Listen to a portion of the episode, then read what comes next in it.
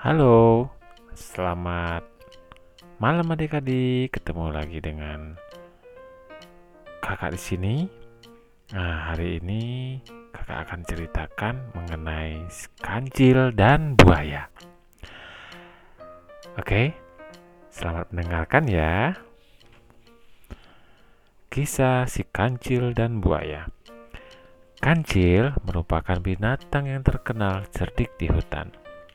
Suatu hari, kancil ingin menyeberangi sungai dan mencari makanan di daratan sebelah sungai. Namun, ternyata jembatan yang biasa dipakai untuk menyeberang sungai rusak terkena badai tadi malam. Kancil kebingungan. Tiba-tiba memiliki ide.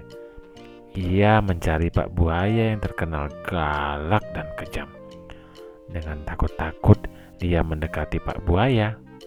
Tak disangka, Pak Buaya yang melihat kancil langsung menekam si kaki kancil. Kancil berteriak kaget.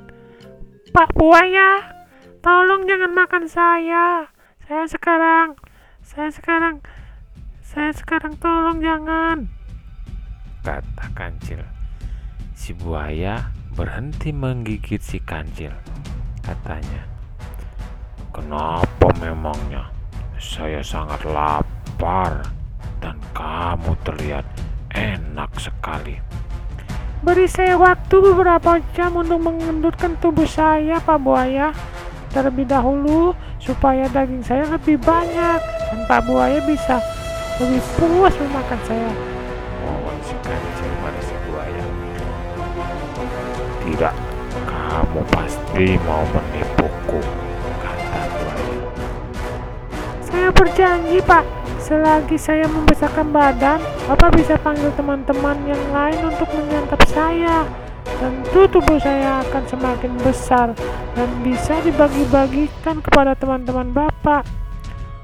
Namun, saya harus mencari makanan di seberang karena makanan di daerah sini sudah sangat sedikit. Saya tidak bisa menggendut di sini. Ada berapa banyak teman yang Bapak punya? Tanya kancil. Banyak sekali, ujar buaya. Kalau begitu, panggil semuanya dan minta mereka berjajar supaya saya bisa menghitungnya. Jadi saya tahu akan dibagi berapa badan saya setelah saya gemuk nanti kata si kancil lagi pada buaya. Buaya memang dengan polosnya menuruti kancil dan memanggil semua temannya dan meminta berjajar supaya kancil bisa menghitung.